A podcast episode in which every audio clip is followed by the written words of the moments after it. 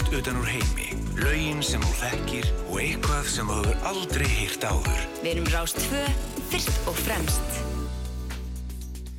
Já, Já komið í sæl og blessuð þá hef ég við leik hér á Rást 2, þátturinn fram og tilbaka og ég heiti Felix Bergsson og ætla þessi ekki fyrstu orðin sem ég segi í dag og ætlaði ekki að komast almenna út um mér.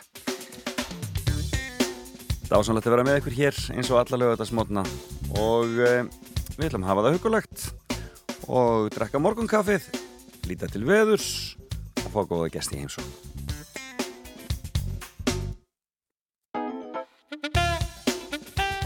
Já, fyrsti og já, eini gæstu dagsins er um, söng og leikonan Elín Hall. Hún ætlar að koma hér í fimmu til mín og það verður spennandi að heyra hvað svo frábæra listakona hefur fram að færa. Hún uh, er náttúrulega slá í gegn í kulda þessa dagana og svo er fullt af tónlist eftir hana að spilast hjá okkur hér á Rástvö og víða annar staðar. En hún náttúrulega byrjaði kortnung og um, var farin að leika í bíó áður en hún fór í sitt leiklistarnám þannig að það verður gaman að heyra hvað svona hefur haft áhrif á hana í gegnum tíðina. Svo ætlum ég aðeins að spila nokkur lögum með R.I.M. hérna eftir nýju fréttinar aðeins að spila tónlist sem ég finnst skemmtileg daldi í því þessa dagana og uh, aðeins er við svona, já, á, á miklu hundafaði uh, eh, sögu þeirra hljómsveitar og svo bara, já, ætlum við að njóta okkar hér á Rástvö um, það er komið haust en það er nú samt dásanlegt að fara út á hjólunni í morgun hér í höfuborginni það virðist vera ágættistagur til útvistar þráttur að ég get verið aðeins blöytur þið farið varlega hvar sem þið eruð á landinu og um, já, það er aðeins ferða að eh, sjá hvitt í fjöllum. Var á vestfjörðunum í gær og það fór upp á bólafjall og það var aðeins ferða aðeins að verða hvitt þar. Það var alveg meiri áttar að fara það upp. Algjörlega frábært. En nóðum það, við skulum skella okkur í lag dagsins og byrjum á árinu 1994 því að það er það sem að eh, verður í eh, verður í þættinum árið er í dag og uh, það var margt mjög skemmtilegt tónlistarár. Og kannski svona fyrir marga var það, það merkilegasta að hljómsveitin Unun kom fram. Og þá með unga söngkonu e, í brótifylkingar, hún heiti Kristín Jónsdóttir og er núna einhver þekktasti ja, jarðvár sérfræðingur þjóðarinnar og stöðu til sjónvarpunni og er algjörlega frábær um Kristín. En hún endist nú ekki lengi sem söngkona Ununar heldur tók heiða fljótlega við það er önnur saga. En í þessu lagi syngur Kristín með engum öðrum en Rúnari Júliu sinni. Og þetta lag kom árið 1994 og heitir einfallega Hann mun aldrei gleyna og í kjörfara þessu förum við eh, Elín að spjalla að eitthvað myndi gerast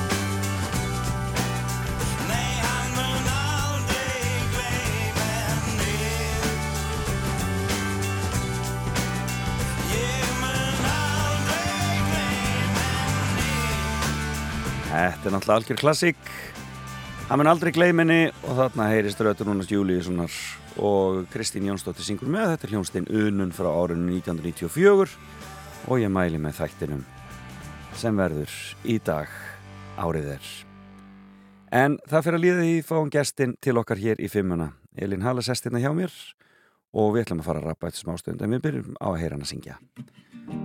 Og þetta er lag sem við erum búin að spila mikið á rástöfu undarfarið og uh, það heitir einfallega Vinir. Og eins og ég segi, svo byrjum við að rappa um fimmuna hennar.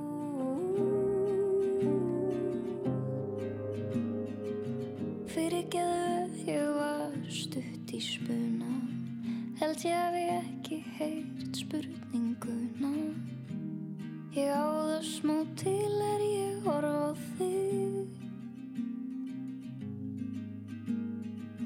Þú ert alveg hættur að ringja í mig. Þú þarft ekki afsaka Ég skil þig. Þú skuldar mér ekki neitt. Þú segist vilja vera vinur minn. En allt sem ég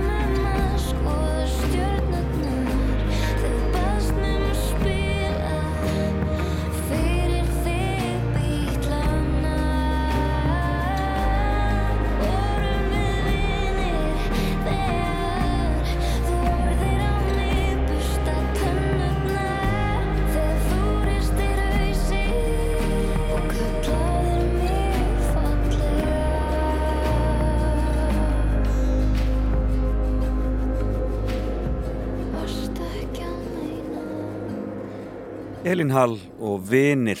Og með það bjóðu við Elínu velkomna hingað. Í fram og tilbaka, velkomin. Kæra þakki fyrir það. og uh, ég, bara svona, ég var náttúrulega að spyrja við mælundum mínum alltaf, er, ertu morgumanniski er ekkert mál fyrir það að mæta klukkan 8 á lögur Sama hvað ég reyni þá tekst mér aldrei að ferða morgumanniska. Nei, Ég er bara búin að taka það í sátt í dag. já, en það er kannski starfið kallar um kannski svolítið eftir því að, að, að, það séu kvöldin frekar Já, hvað. Ég er svolítið að mæta fólkinu sem er að koma heim á djamminu þegar ég kem heim úr vinnunni sko. Já, akkurat, akkurat Æðislegt. Þannig er það e, e, Til hamingi með vini, þetta er flott lag Já, takk fyrir það. e, Ég var að hugsa, sko, þú hefur gengið undir ímsu nöfnu svona í gegnum karriérin í gegnum ferilinn, þú ert Halldórsdóttir Ég það var einu sinni Það var eitt sinn. einu sinni varstu bara Elín Sif einhverju, og nú ertu Elín Hall hvað, hvað, hvað stælar þetta? Vesen er á mér. Nei, ég, náttúrulega, ég byrjaði bara svo snemma. Ég var ekkert, þetta var ekkert út hugsað, sko. Nei, ég skil þig En svo, hérna, þegar ég byrjaði að gefa út almennilega tónlist eitthvað að viti, þá fannst mér ég, mér fannst ég svona næstu þegar að taka upp listamannana. Já, ég skil þig Að því mér langaði bara að gera eitthvað alveg nýtt. Já, Og Hall er náttúrulega nafn sem að, að því að við fluttum ekki á milli landa þegar ég var batn og við styttum nafnið Halldórsdóttir já, bara til að einfalda fyrir fólki. einmitt Þannig að ég tengdi svona við það en enginn hérna heima tengdi mig við Hall, sko. Nei, En ég fæ rosa mikið af spurningum hvort þessi dóttir Sigga Hall og ég segi náttúrulega bara, já, já. að því á ég segja fólki að ég að reyna að feika að ég sé Hall, það er líka mjög vandræðilegt. akkurat, einmitt, akkurat um, Já, en, en það er, þetta er gott, gott listamannstaf Erlendismjögsti, Hall Já, já, Glæsilegt Já. Heyrðu en, um, þú ert nýjútskriðuleikona já, en samt búin að vera að leika á fullu í fjölmörg ár alveg í, í einhver, já átta, Já, átta, já. átta ára eða eitthvað, hvað, hvenær Já, kemur, hvenær næstu kemur lág mér að falla lág mér að falla er kannski svona svo fyrsta svona stóra eða ekki eða hvað? Já, já, ég, ég fór hérna, fyrsta sem ég gerði var hérna réttur, einmitt, akkurat. Um, og það kemur lág mér að falla í kjölfæra á því þá í rauninni já, þetta var svona, hérna, já, Baldun var alltaf með, lóð mér að falla svona í, í vinslu og hann Já. var að leita að svona ungum leikonum og svo færanda verkefni réttur og það voru fullt af úlingstelpum að leika í rétti og Já. þetta voru svona, ég veit ekki, kannski einhvers konar óformlegar pröfur fyrir lóð mér að falla Já, eða, já, eða eitthvað. Ég fór samt alveg í pröfu fyrir lóð mér að falla líka. Já.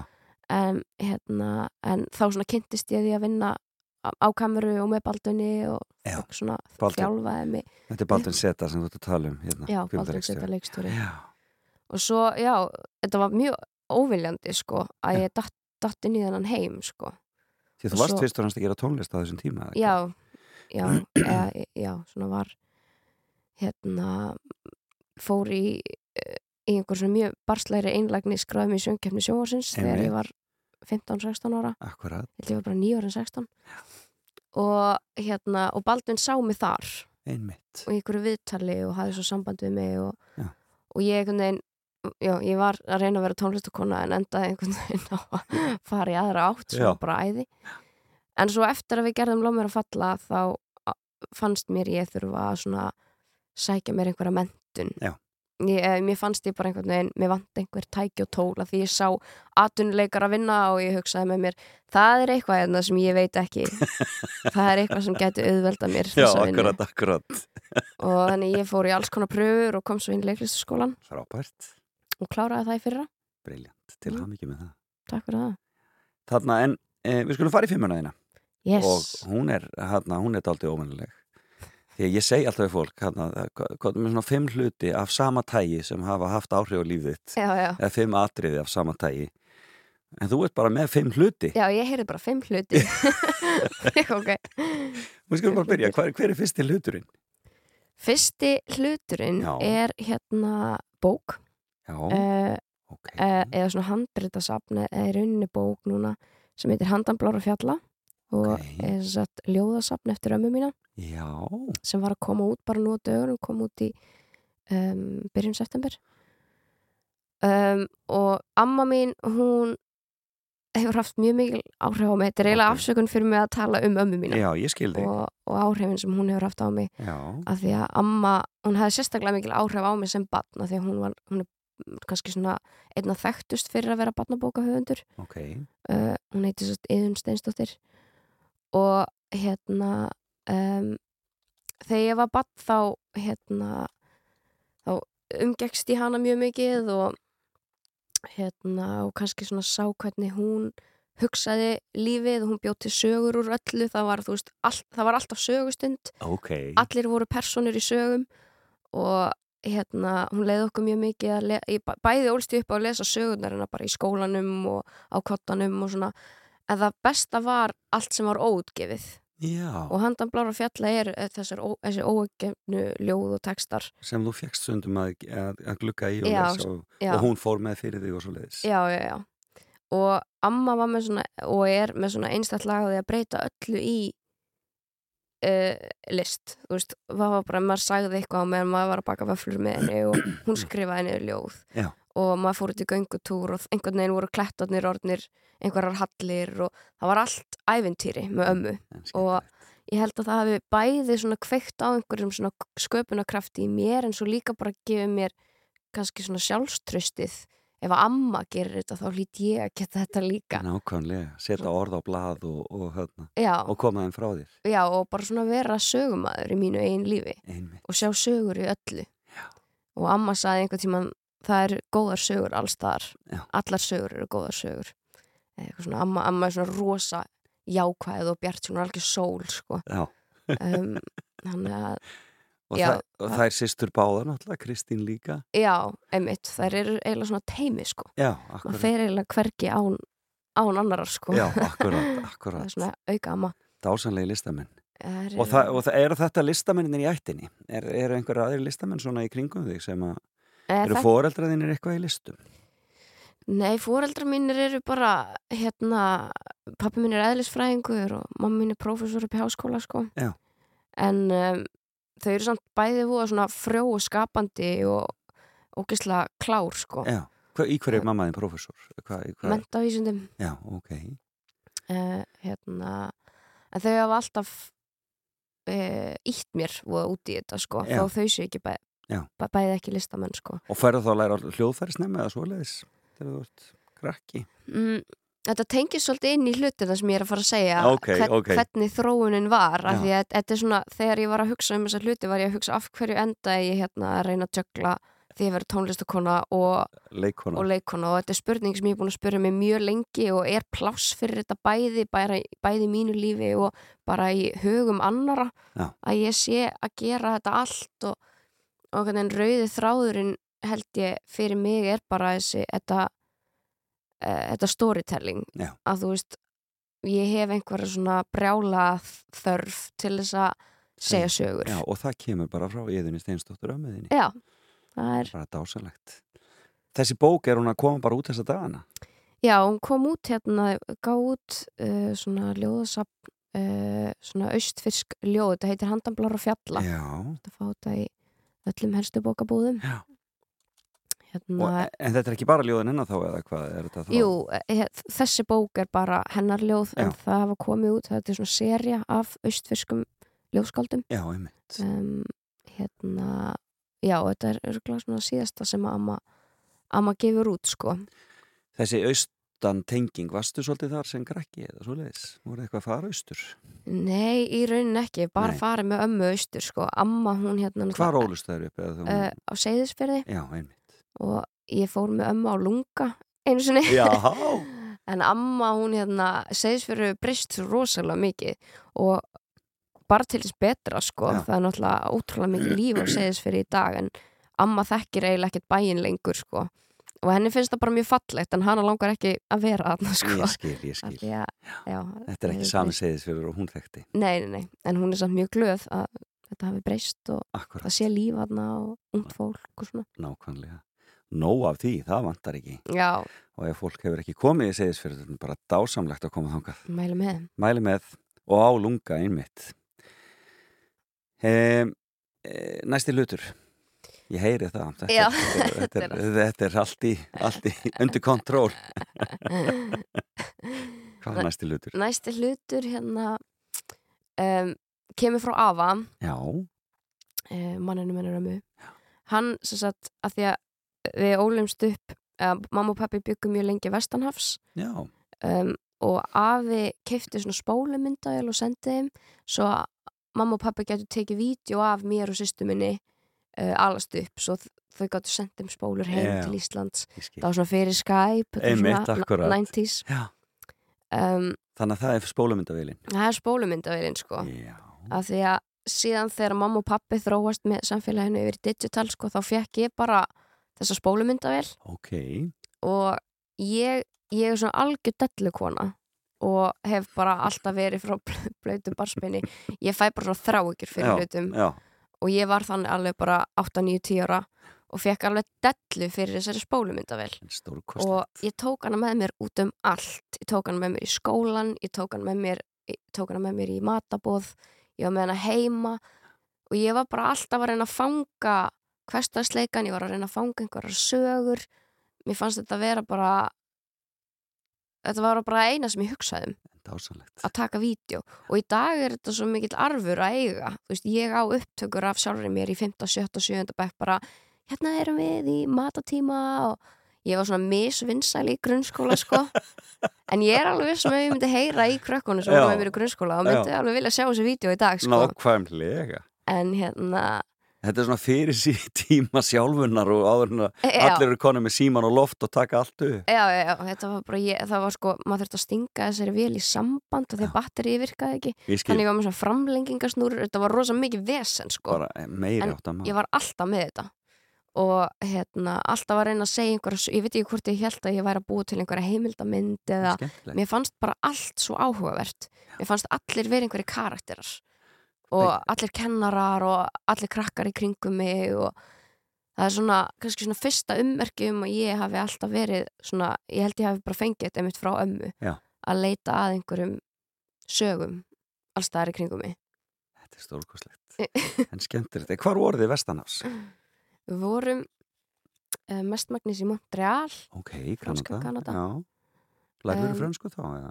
Já, ég lærði fransku Mm um, og, og glemdinni og lærði henni aftur og glemdinni því við vorum að fara svo mikið fram og tilbaka Ég sko. skil, ég skil Svo vorum við líka á tímbil í Princeton Já, í Bandaríkjanum já, já.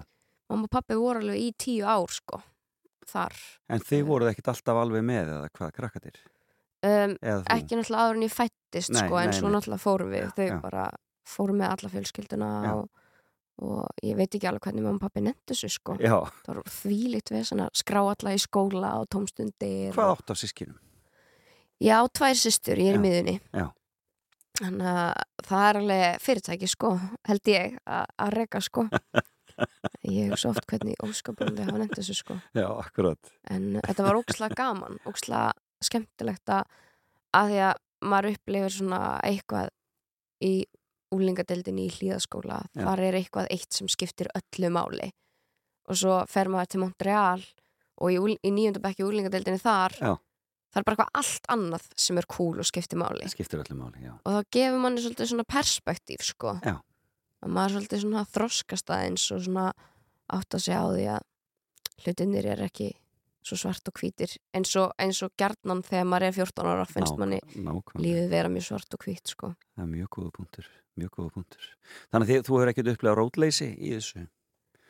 Að vera svona Nei, ég held ég hef alltaf, emitt, kannski ef, að því að ég hafði alltaf svona mín eigin áhugamál svo sterk um, og fekk mjög mikið tækifæri til þess að hérna rækta, rækta þessi áhugamál og það var alltaf þessi rauð þráður þessi spólumyndavél og, Já, já, mm. og þú veist, já að ég einhvern veginn já, ég held að ég hafi orðið bara fastar í sjálfri mér sko, fyrir vikið en ég veit að kannski upplifðu sýstu mínar meira rótleysi en ég sko. Já, ég skil. En þetta kannski svona fer eftir Svona karakter sko. Karakter, já, mál.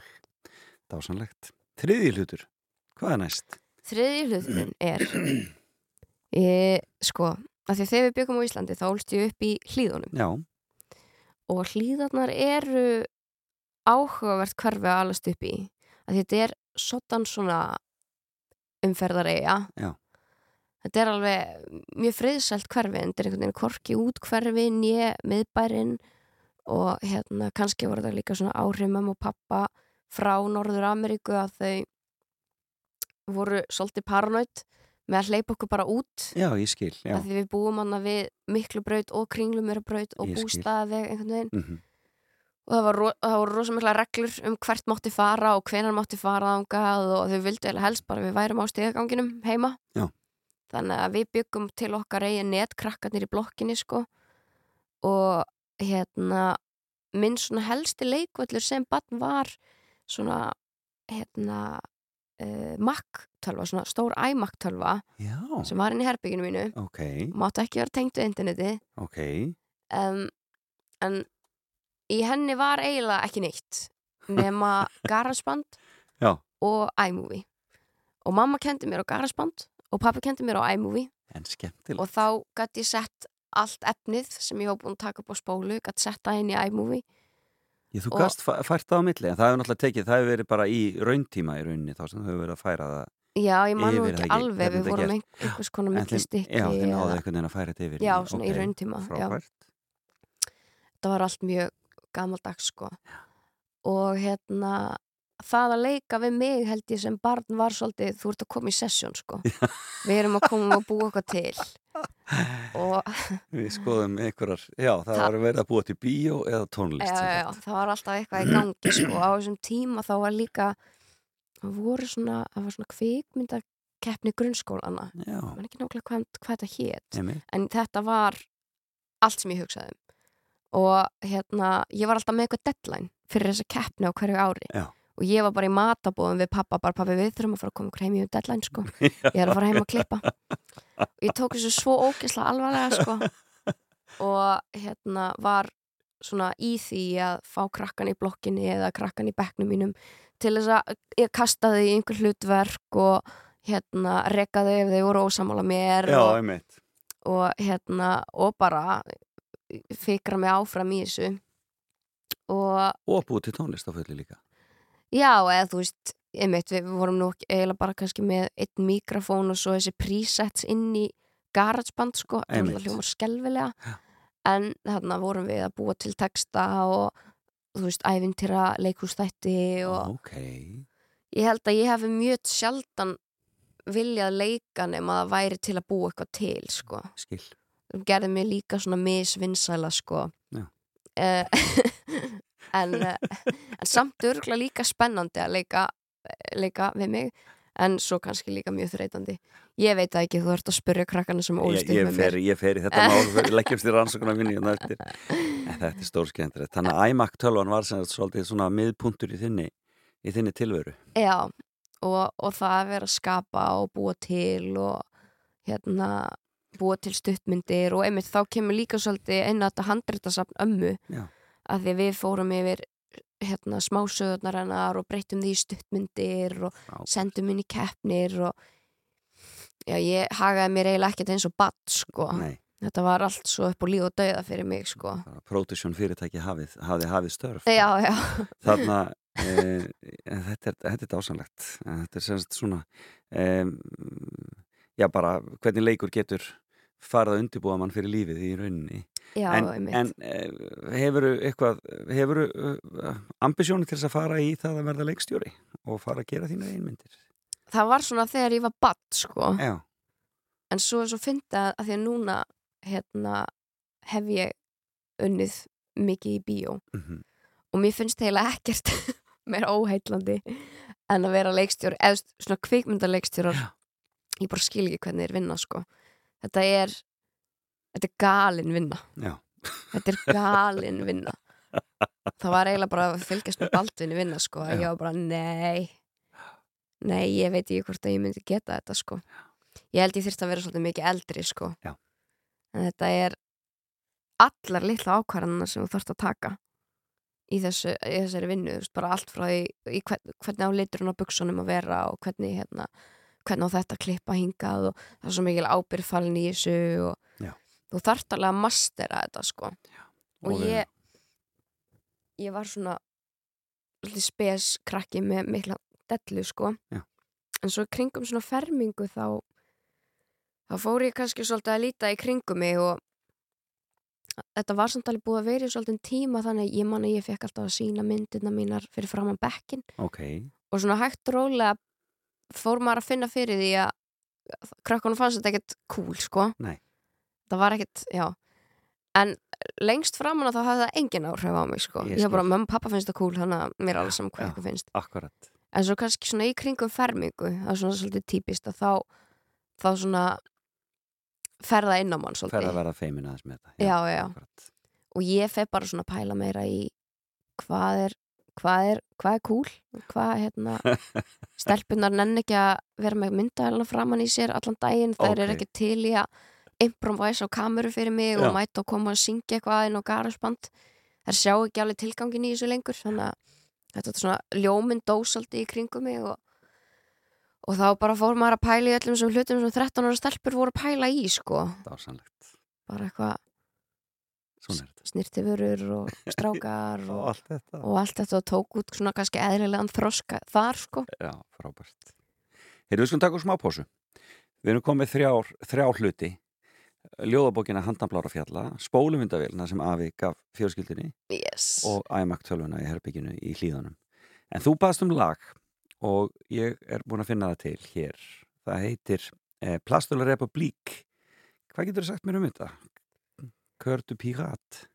Kjörtu Pirat er hérna er kepesk uh, svona uh, singer-songwriter Ok, og hérna og hún hérna, er, hún er alveg magnusöngkona og ég uppgötvaði hana eh, einu sinni eh, í senasta skipti sem við fluttum út og hérna ég var svo mikið að reyna að telja niður dagan að fara aftur heim, ég sá ekki alveg tilgangin í, í því að tengjast hérna krökkunum hann úti og, og ég var svolítið búin að gleyma frönskunni og svona og var ekki alveg að ná að tengja. Og svo uppgötvaði ég þessa tónlistakonu sem gerir bara tónlist á frönsku. Já. og þá svona, var svona spark í rassin á mér fyrir að að læra frönsku svo ég geti skilið textan hennar.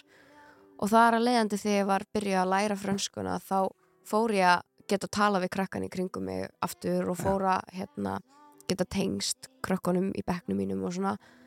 Og þá uppgötvaði ég hvað list og tónlist getur breytt lífum sko á nákvæmlega. lítinn og stóran hátt sko. Þannig að já, það hefur verið svona mitt veganesti síðan sko. Heyrum, heyrum Kördu Pirat og Plastular, Plastular Republik já sans savoir comment. Ni pourquoi on s'en bat, on ne s'est connu qu'un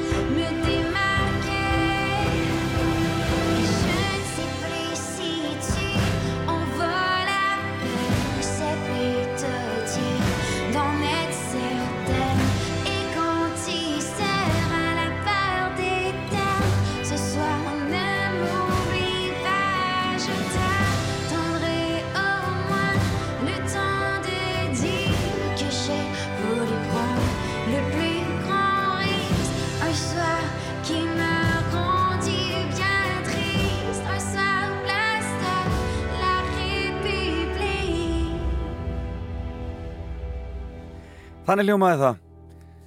Kördu Pírat og uh, Plastölur Republik og þetta var valvið meðlega mín sem situr hér hjá mér, Elín Hall. Og við erum að fara í gegnum fimmuna sem eru fimm hlutir. Og við erum búið með þarna ímislegt, ljóðabók eftir ömmuðina, spólumyndavélina og iMac 12 og hver er fjórði hluturinn, Elín Hall? Fjóraði hluturinn var örgulega það típiskasta fyrir mig en það er bara gítarinn minn. Það er gítarinn, já. er Hvenar tekur hann upp? Það er svona að því að það síðasta sem ég sagði var að ég svona fór að verða eh, um svona 13 ára eftir að hafa verið svona krakki með alveg dellu fyrir að vera minn eigin sögumæður Mm þá fór ég svona að vera svolítið sjálfsmiðuð og, og bara pæla í hvað hva var cool fyrir 13 ára stelpur að vera að gera. Og ég man að einhvern tímann sagði mamma við mig, þetta er kannski svona pínu brútal en hún sagði við mig, Elin, ef þú verið strákur þá væri þá hefur ekki lagt allt svona heiluna öll áhugamáliðin Já. um, og ég kannski einhver svona tilraun til þess að eh, svona vekja aftur hjá mér einhver að svona listsköpun af því þau vita alveg hver ég er Einmitt. þá gáðu þau mig gítar Já. og hérna og ég náttúrulega geti eiginlega ekki átt neitt á þess að breyta því sköp, skapandi tól sko Já. og ég fór strax bara að semja á gítarinn og Varstu strax fann að geta spilað á hann í rauninni þá eða hvað, varstu fljóta að Nei. pekka upp einhver grip og svo leys? Nei. það hljóma örglega ekki vel sko en ég var bara svona blind á sjálfa mig held ég sko að ég bara lærði einhver þrjú-fjögur grip og ég var bara búin að semja, þú þarft ekkert meira en þrjú-fjögur grip til Nei, að geta akkurat. sami poplag sko Já, og hérna og það var eiginlega bara eitt af fyrstu lögunum sem ég sem sem að ég sendi hingað inn á rúf sko Sem að fer í söngakefna. sem fyrir söngakefni sjónvarsins Já, já. Fyrir framann alþjóð Akkurat. og mér fannst ekkert aðtugavert við það Nei, um, sannlega ekki.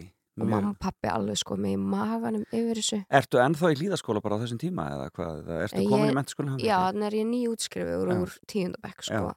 hérna, Ég er já, náttúrulega að gera ráð fyrir að hafa á- farið í hamralíð. já, ég fór bara yfir Bara göttuna setið sko. í hamralíð bara strax á þess að spyrja. En já, sem sagt- en þú fórst semst í MH. Já, já, fór bara yfir göttuna og á, já, ég, það var þarna bara um sömarið held ég sem ég sendi inn hérna, e, bara eitt af fyrstu lögunum sem ég samdi. Og ég held ég hefði skrifað sko í postin til Rúf eitthvað Mamma og pappi vita þetta ekki. Þau vilja ekki að ég fari söngakefni sjórsins þannig að endilega sendi tölupóstin á mig. Já, akkurat, þannig ekki tala um mamma og pappa. Já, já. En þú ert orðin samt 16 eða eitthvað. Já, ég er orðin 16 þegar að þau hérna, taka við þessum posti og svona. Og svo fannst þeim þetta held ég bara svo krútlegt að þau hleypa mér inn og gefa mér pródúser og, og auðmingja mamma, þú veist, svona hálfpartin næstu ég þurfti sko að þetta var næstu ég full vinna fyrir mömmu mína sko. Nú? að bara svona, það er svo mikið stúsi kringum þess að söngakefni Já, þetta er rosalega Og- og hún alltaf vildi bara vernda mig fyrir, fyrir þessu sko. En það bara gekk vonum framar sko. Ég komst þannig í úrslitinn og bara veist, þetta, þetta enda á að blessast bara Ég, ég hitti útlendinga sem svo að þetta hefði átt að vinna, sko. Það er bara þannig, sko. Það er alltaf þannig, sko. Bara þarna var það, skilu. Þetta voru stór mistök. Friðrik Dór hvað, sko. Það var bara þannig. Ha, já, en er þetta. Þetta var þessi fræga keppni þegar þarna Marja vann Friðrik Já, Dór. einmitt Og þú varst í þriðasæti. og ég var í þriðasæti og ég var mjög sátt með það eftir á sko Já, því að þetta- En þú hefur ekkert verið að, þú verið að fela þetta í rauninni. Þú er, ég menna, þú hefur kannski, kannski mikið talað um þetta í viðtölum og svona, en, en þetta hefur ekkert verið eitthvað sem að þér hefur fundist eitthvað vandræðilegt eða svoleiðis. nei, af því að í rauninni var þetta bara stökkpallurinn minn inn í allt sem ég er að gera í dag Nákvæmlega. af því að hérna, bæði Þú Baldvin, kynnist fullt af fólki í Já. Baldvin seta sér mig þarna og, og leiði mig svona niður þessa leiklistabraut sem ég er Mhm. ennþá að feta núna Þú og varst að vinna með líka, Selmi Björns þarna á þessum tíma. já, einmitt og líka ég man eftir úrslitakvöldu þá komu til minn einhverjar konur sem voru í bakgröndum, ég man ekki nákvæmlega hvaða konur þetta voru Mhm. það er komið til mín og voru bara þú ert 16 ára, þú ert á fyrsta ári mentaskóla, þú ert bara að fara og stopna hljómsveit og bara spila og Já. bara spila ógislega mikið Einmitt. og það var það sem ég gerði, ég tók hennar gítar og ég fór í MH og ég stopnaði fullt af einhverjum flopp hljómsveitum og svo stop- stofnuðum við einhverjum mínar hljómsveit sem gekk ágætlega, fórum í söngjarni framhaldsskóluna og endum að fara til Tyrkland að keppi einhverju keppni og spilum í Berlín og Prag og sömdum fullt af lélugum lögum og fullt af geggjum lögum Hvað heitir svo, hljómsveit? hér náttsól Ná, alveg rétt, já. og hérna við áttum bara mjög góða stundir og, og náttsól var líka hérna, allt bandi í kringum náttsól strákarnir sem kom og spilu það eru þú veist strákarnir, þú veist Magnús Jóhann og Reynisnær og Bergur sem eru þú veist svona aðal spaðnir í dag í, í þessu sko Já. og eru ennþá að spila á músikina mína í dag og Frábært. hérna svona ég gerði svona tengingar út lífið eftir söngakefnina En gítarinn, helst áfram að læra á gítarinn og ertu orðin betra á gítarinn? ég, ég, ég, meina grip? það sko Ertu búin að læra fleiri grip? Ég fór í nokkar gítartíma og Já, kefti mér svo Martin um daginn því ég hugsaði núna þarf ég að vera alvöru tónlistamæður og þá þarf ég að eiga Martin já, en samt er alltaf þessi fyrsti gítar hann er alltaf uppáhalds gítarinn sko dásalegt. en hérna já þannig að það er svona e, já ég, ég hef aldrei séð eftir að fara í söngakeppnina en svo sama tíma veit ég ekki alveg hvað ég gæti fengið meira út úr keppninni Nei, af því hún akkurat. hefur gefið mér allt lífið Nákvæmlega. um, Kanski svolítið fegin að hafa ekki unnið. já, ég er það á einhvern ákveðin hátt sko. Já, akkurat. ég veit ekki, kannski er það náttúrulega út af hvernig þetta fór Einmitt. hérna, það var svolítið eh, svona, já í, eh, svona, samfélagið var svolítið steikt á þessum tíma þegar að frikki vann ekki sko Já, allt þetta samfélagsmiðla, svona einhvern veginn, þetta er að springa út á þessum tíma, allt einu. Samfélagsmiðlarnir orðnir já, miklu harðari heldur en, heldur en menn höfðu síða áður. Þetta er svolítið sá tími, já, 2016. einmitt. Já, ég er líka bara glöð að ég 2015 er þetta, já. já, að ég hérna fór svolítið og, og, og, og það var bæði með eftir söngakeppninu og eftir að Lóð mér að falla kom út. Þá ákveði ég samt að fara og byrja á nulli þú veist, ég fór, fór og byrja á að búa til mínar eigin hljómsveitir og vinna mig eðla upp og líka eftir að Lóð mér að falla kom út þá fór ég í leiklistanám til þess að byrja bara frá grunni Síðasti hlutur, fymti hluturinn. Herru, fymti hluturinn, það er svolítið svona út í allt annað um, en það er hérna kaldipotturinn Já! Ertu hægt að væla að konta kæla? Ég reyndar aldrei farið á það námskeið sko. Nei, nei. En hérna, kaldipotturinn, ég var bara bæði búin að heyra frá læknum og frá sálfræðingum Já. að kaldipotturinn er svona algjört helsu tól um, bæði bara til að losa verki og líka til að hérna bara róa taugarnar. Ok. og um, mér fannst þetta eitthvað svona viðeigandi sko, í minni, fyrst byrjaði ég að nýta mér kaldapottin bara sem heilsu eflandi tól. En um, svo var þetta einhvers, einhvers konar svona metafóra inn í allt sem ég geri ég hljóma kannski eins og einhver nöttari sko en ég stunda mjög mikið kaldapottin og ég er búin að vinna mig úr tíu sekundunum yfir í ekki 20 myndur eða eitthvað Ok. og ég er orðin mjög góð í kaldapottinum finnst Mhm, mér sko Mhm. en alltaf augnablikið áður en ég stíg onni kaldapottin, sama hversu vön ég er orðin kaldapottinum Þú taka þetta draga djúft andan. Já, nei, sko, þá bara missi ég lífsviljan, sko. Ég, ég hata að stíga onni kaldapottin, Já. sama hversu oft ég er búin að gera það. Um, og að standa svona á brúninni, sko. Já. Þetta er alltaf jafn óyfirstíganlegt. En þetta er alltaf spurningin um að bara stíga ofan í og fara í gegnum, að fara á móti því sem líka minn er að öskra þig að gera ekki Akkurat. bara fara ofan í og það er allt í lagi og þetta verður svona metafóra fyrir bara allt sem ég geri af því að það að vera listamæður, þú þekkir þetta veist, það er rosa berskjaldandi og maður er alltaf að setja sig út svona, setja hjarta á línuna og ef maður er að gefa út það er ömulegt að vera eitthvað hæ, viltu spila mig? eða, eða hafa samband við þennan og hinn eða, eða bara standa, standa á stóru sviðin í borgarleikusinu og líða illa eða þú veist, þetta er alltaf þetta er alltaf puð líka og þú þarf alltaf að komast yfir þetta svona þetta í líkamannuðinu með þessar rattir í hausnuðinu sem segja ekki gera þetta Nákvæmlega. og það er inn í endur það deg stærsta afrikið sko það er bara að stíga ofan í kaldapottin og treysta því að það verði næs eftir á Brilliant. að allavega getur lifa með sjálfu þeirra þegar þú reyndir skilur Þetta er stórkustlega lokaorð. Elín Hall, við erum ekki búin að tala um verkefni, framtíðaverkefnin eða kulda eða, Nei, eða, nei, eða nei, nýju líf eða nýju músíkina en það eigum við bara eftir að fylgjast áfram með þér og þínum afrökkum kæra þakkir fyrir að Já, koma í fram og tilbaka. Leggur seint af stað. Því þú veist alveg vel hvað þú gerir mér gammalt far. En ég að þú vilt en það saman og ég og hvað ef þér líkar ekki tal ég skal ekki segja neitt. Þóra að koma nær er búin að flúra þig allan á höndunum reykir tær. Og ég veit hana fyrir allt úr böndunum og þær. Sem þau dá sem þau þrá þær fá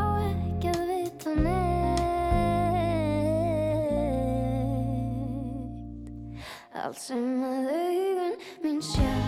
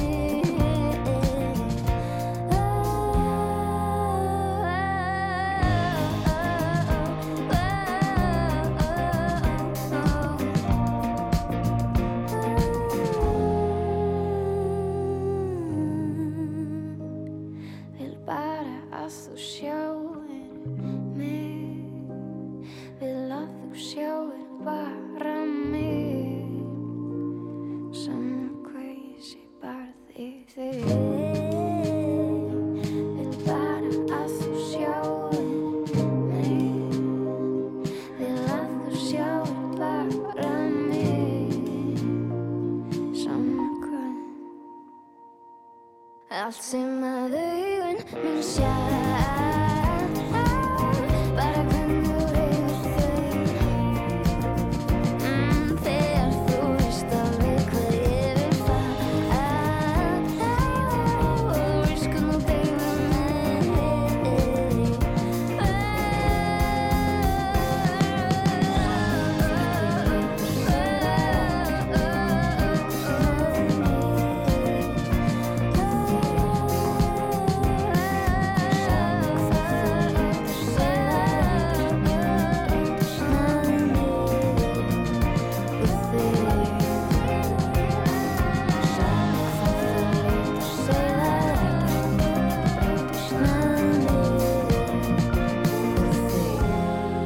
Elin Hall og lag sem heitir Augun mín og hún er fann á braut og frábært að fá hana hér í fimmu.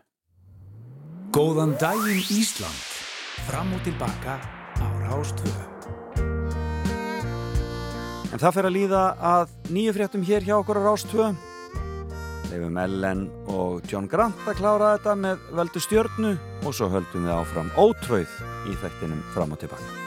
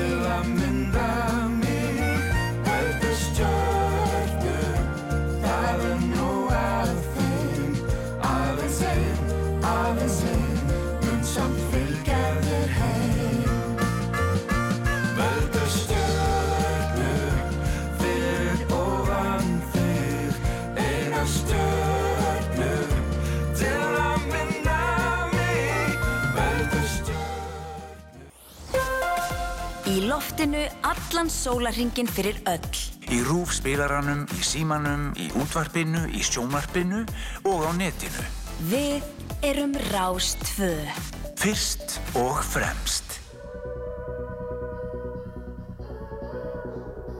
Já, þeir eru að hlusta þáttinn fram og tilbaka og við byrjum á því að sjá raukt. Alltaf gott að fá smá unun eða seleps eða dilljá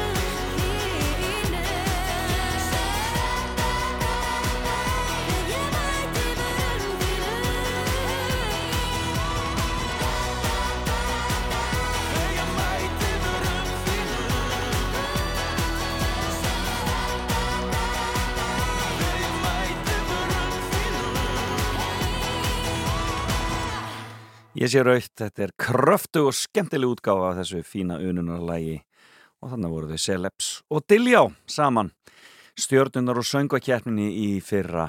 Og um, já, frábært að sjá listamenn gera það svona gott upp á söngvakjærninu og það er einmitt það sem að listamæðurinn sem satt hér í morgun og sagði okkur frá Elin Hall leikona og söngkona eða leikona og tónlistamæður og það var gaman að fara með henni gegnum fimmun hennar sem varu fimm hlutir.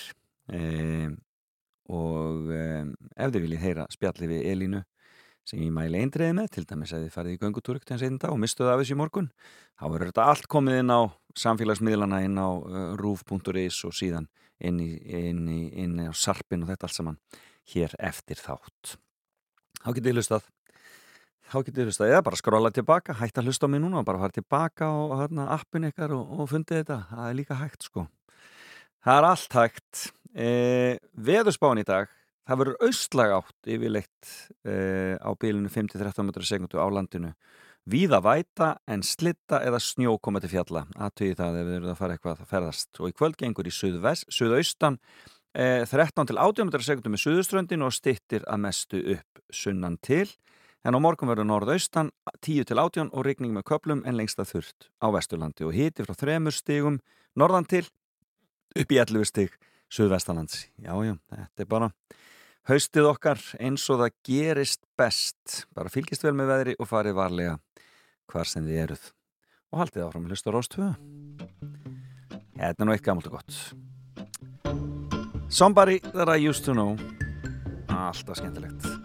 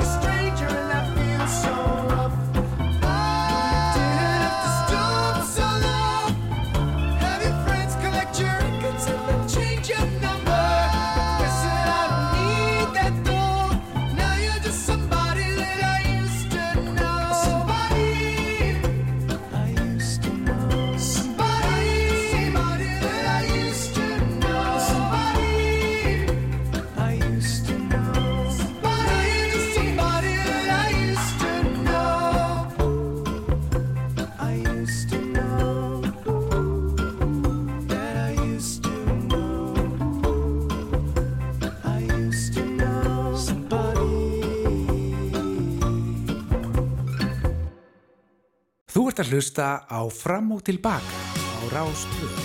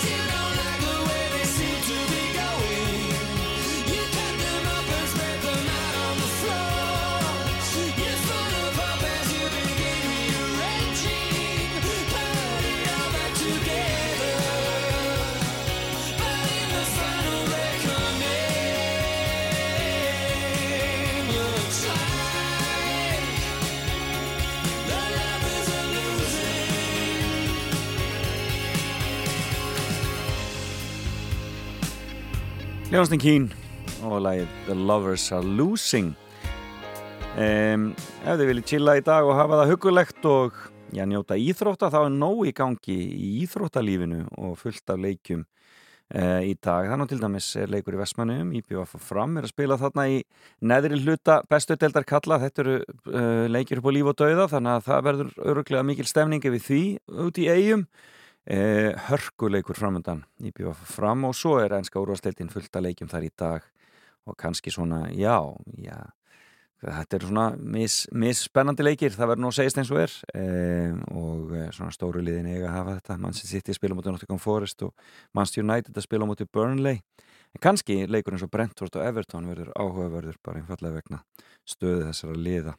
Og svo náttúrulega spilað í, í eh, eh, spænsku La Liga uh, og ítölsku og þísku auðvitað. Þannig að það eru leikir út um allt. Og svo er handbóltinn líka komin í fullan gang. Og jólisteilt Karla í dag eru stjarnan og gróta að mætast og hvei hjá konunum stjarnan og fram og ég er að káa þór. Þannig að já, það er allt á fullu í íþróttalífinu. En það er líka allt á fullu í menningalífinu og það er bara, maður hefur bara valla undan að fara og sjá eitthvað skemmtilegt í leikhúsi eða bíó, riff að byrja auðvitað í vikunni og það er hátíð sem að margir munu vilja fylgjast með. Reykjavík International Film Festival og fullt af flottu myndum þar í bóði hvet ykkur til að fara á riff.is og tekka á dagskráni og, og skell ykkur á kvikmyndahátti, það er rosalega gaman að fara. Og svo er, eru leikhúsin alveg á miljón um, um, nýja leiksýningin hennar Maríu Reyndal sem heitir með Guði Vasanum, hún var frumsitt í gerkveldi ég sá fórsýningu stórkosleitverk og gríðarlega spennandi síning þar á ferðinni. E, og svo er e, frumsýningi þjóðleikúsinu í kvöld. Það er þriðja verkið í, í þríleiknum stóra. E, og veit að margir hafa mikinn áhuga á því sem hafa séð þessar frábæri síningar sem voru frumsýndur á síðasta leikar og þetta þriðja síningin ég, sem, ég heit hann ekki Mæjarburg þríleiknum e, verður frumsýnd í kvöld. Og svo verði ég að minnast á eina myndi viðbóð sem að munavísu koma til okkar hér í sjónvarpið e, en er alveg þess virði að fara og sjá í bíó og það er e, heimildamind um Ragnar Kjartansson og síninguna sem hann setti upp í Moskvu Rétt áður en Úkrænu stríðið hófst þá er hann með stóra yfirlitsýningu í Moskvu og nýttverk sem byggir á Santa Barbara og lægið heitir Sovjet Barbara og er í biopartísastagana ég bara get ekki annað en mælt eindriði með þeirri mögnuðu myndi að maður, já það eru miklar pælingar um uh, já, listina og ábyrðilistarinnar og ábyrðlistamannsins eh, en hún er til dæmis sínd í dag klukkan 16.35 Sovjet Barbara heitir myndin. Og náttúrulega endalista myndin kuldi líka sem við vorum að ræða hér í morgun við við Elín Hall, allir og Northern Comfort, það er bara nóg til af allskinn skemmtilegu. Eh, en við höldum ára með tónlistinni hér á Rástvö og næst er það hinn frábæra hljómsveit flott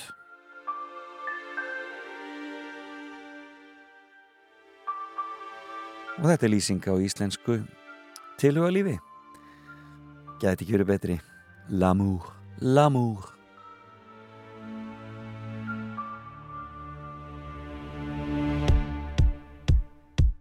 Eins og hvert íslenskt par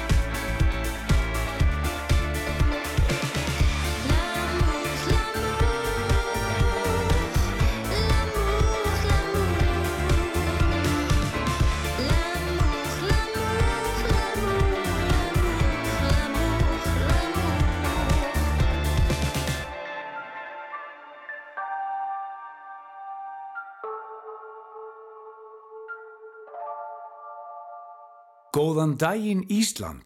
Fram og tilbaka á Rástvö.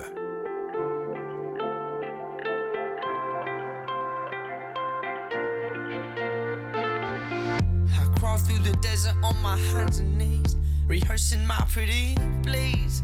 Climb the highest mountain. If I were sorry, shout it from the top. Swim underwater until my lungs exploded. Walk into the fire. If I were sorry, I'd run a thousand miles. Wouldn't stop until I dropped. Wouldn't take the break to breathe until I got close enough. Then I'd do it all again if I really had the chance. But I know deep inside for you it's just another dance. If I were sorry,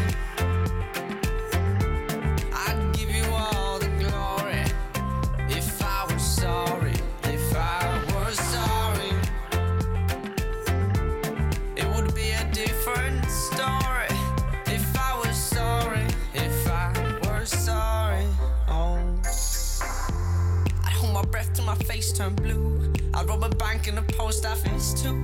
Swim across the ocean. If I were sorry, I'd take a vow of silence. I wouldn't say a single word until you really heard. If I were sorry, I'd run a thousand miles. Wouldn't stop until I dropped. Wouldn't take the break to breathe until I, I got close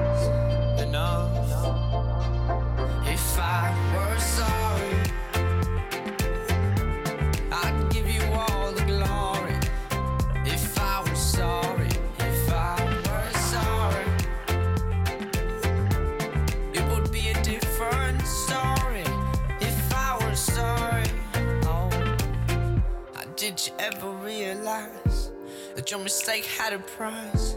Oh, you threw it all away. Cause you're the devil in disguise. Now, would you ever realize the consequences of your lies? Then, would you save the fallen tear act as if there's nothing there? If I were sorry.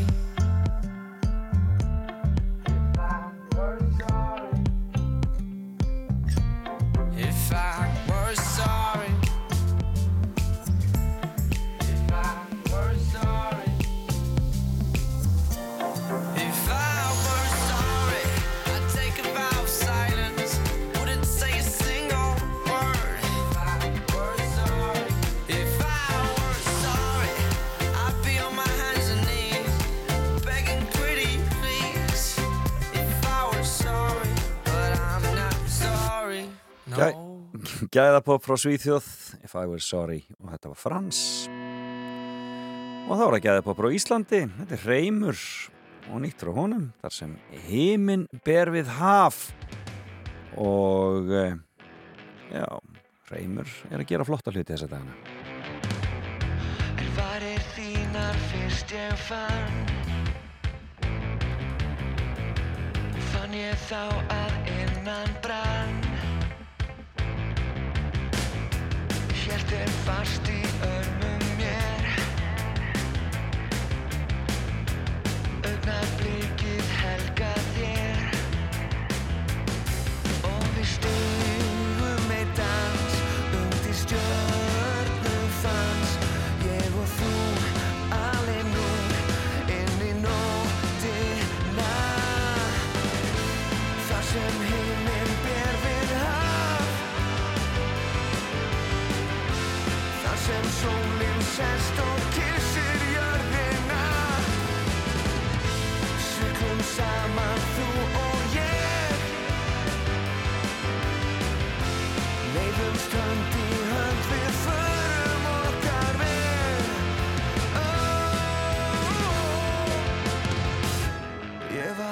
allsæll ástin mín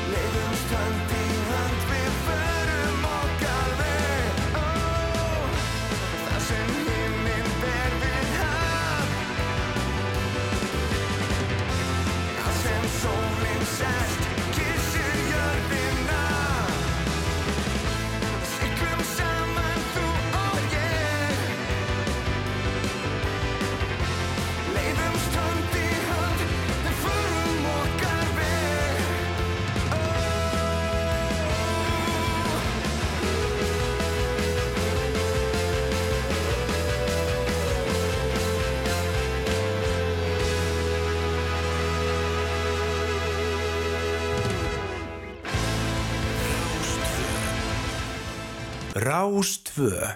Fyrst og fremst um helgar.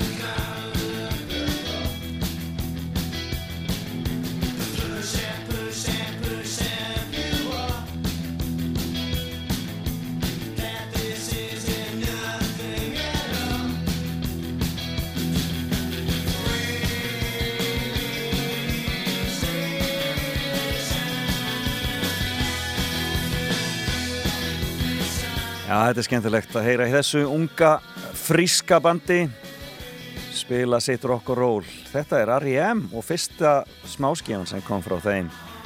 Eh, lag sem heitir Radio Free Europe og kom út upprannlega árið 1981 og svo aftur á plötunni Murmur sem var fyrsta plata sem seitanlega árið 1983. En R.E.M. er eh, og var rockljónsveit sem var stopnuð í Athens í Georgíu árið 1980 af þeim Bill Berry sem var að spila á trommur eh, Peter Buck sem spilar á gítar bassaleikaranum Mike Mills og svo auðvitað söngvaranum Michael Stipe. Og þeir voru allir e, á þessum tíma nefnendur í e, University of Georgia þarna í Athens. En þetta byrjaði vist allt saman með því að Peter Buck og Michael Stipe hittust í hljómblöduverslun sem heit hétt Vuxtree Records. Og e, þar var Buck að vinna og það kom í ljós að Stipe var að kaupa allar plöturnar sem að e, Buck hafði verið að taka frá fyrir sjálfan sig. Og þegar þeir áttu að sé á því að þeir voru með nákvæmlega sama tónlistasmekk þá fannst þeim algjörlega tilvalið að stopna hljómsett saman og fengu þessa félaga sína með sér.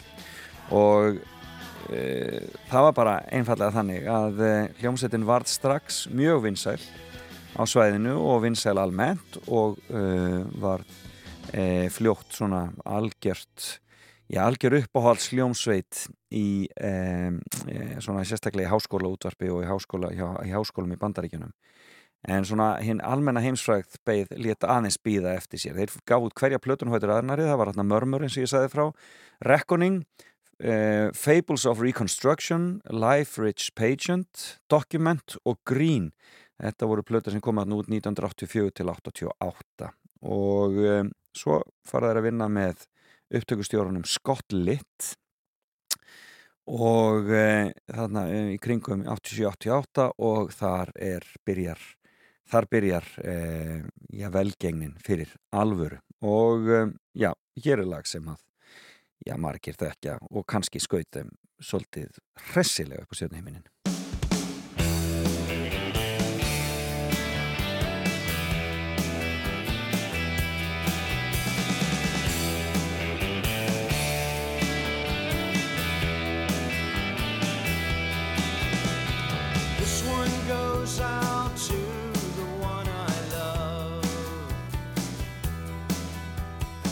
This one goes out to the one I've left behind. A simple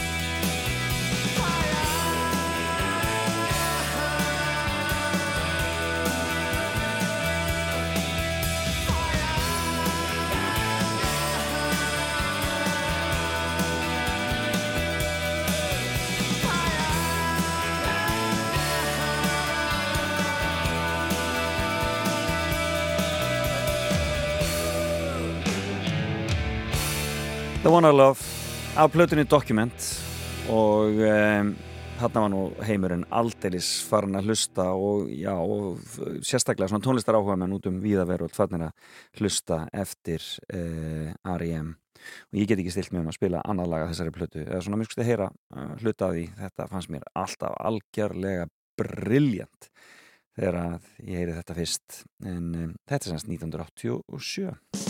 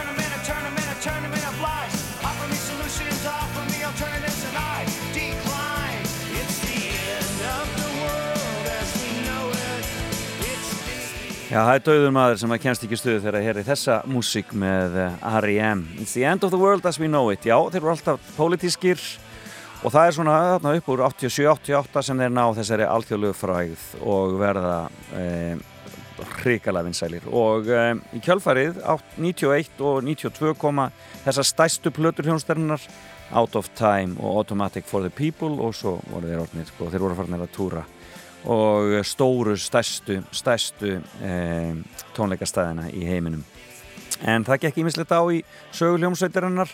Eh, eh, trommuleikarin Knái, trommuleikarin Knái, hann, eh, eh, Bill Berry, hann varð veikur, hann 97 og stígur af og þeir heldu áfram sem tríó. Bill fór bara í það að verða, eh, verða bóndi Eh, og var í því einhver 20 ár en er svona aðeins farin að koma inn í bransan aftur núna en, eh, og farin að spila aftur og er talinn til meðlima R.E.M. þó að hljómsveitin hafa hægt árið 2011 en kannski lagið sem að flestir þekkja og gerði þá hvað stærsta var þetta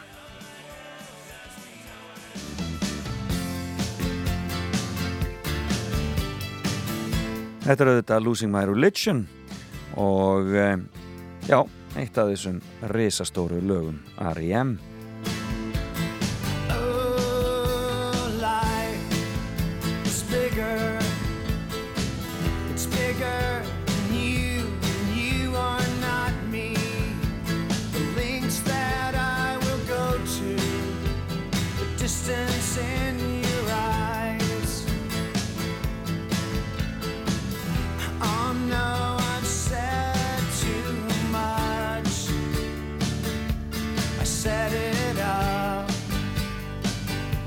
That's me in the corner.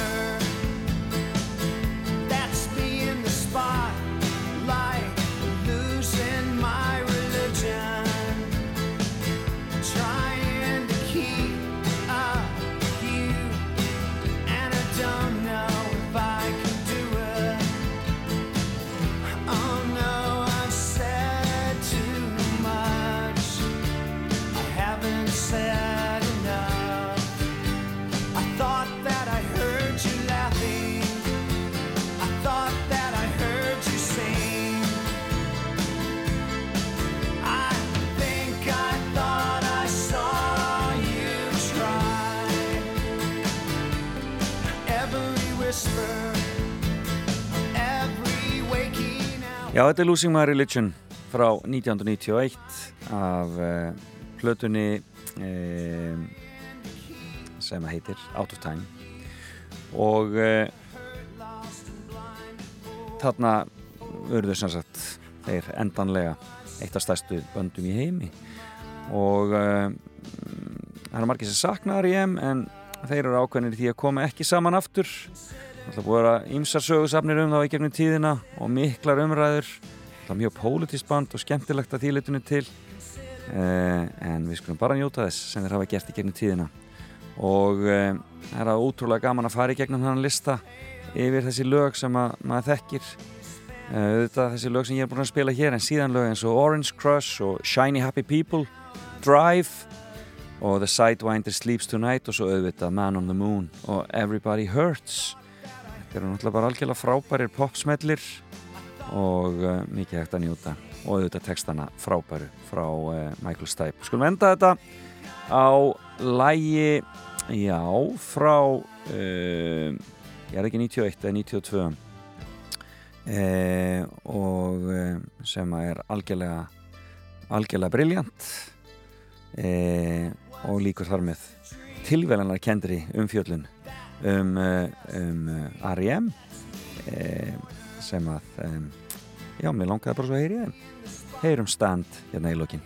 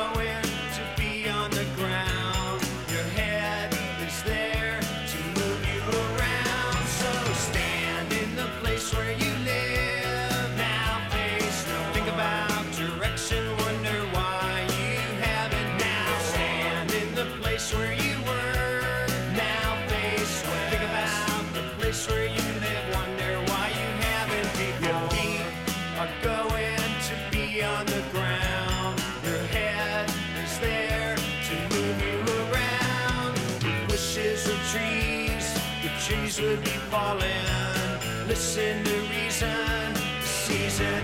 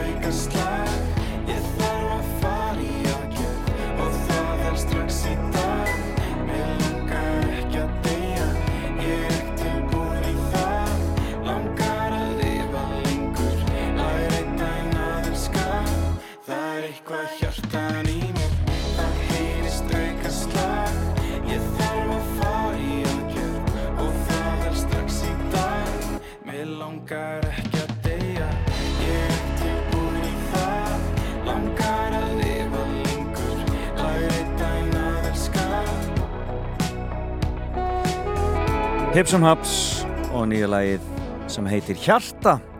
Og þetta er næst síðasta lagið þessum þætti. Voru frábært að sitja með ykkur hér eins og alltaf alla lögatarsmátna Salkasól tekur við svo félagseimilið og hljóðvegur eitt eftir hátegi og svo auðvitað eh, árið er. Lefum blondi að klára þetta. Ég þakka frábæna viðmælendum mínum í dag eh, sem er hún Elin Hall.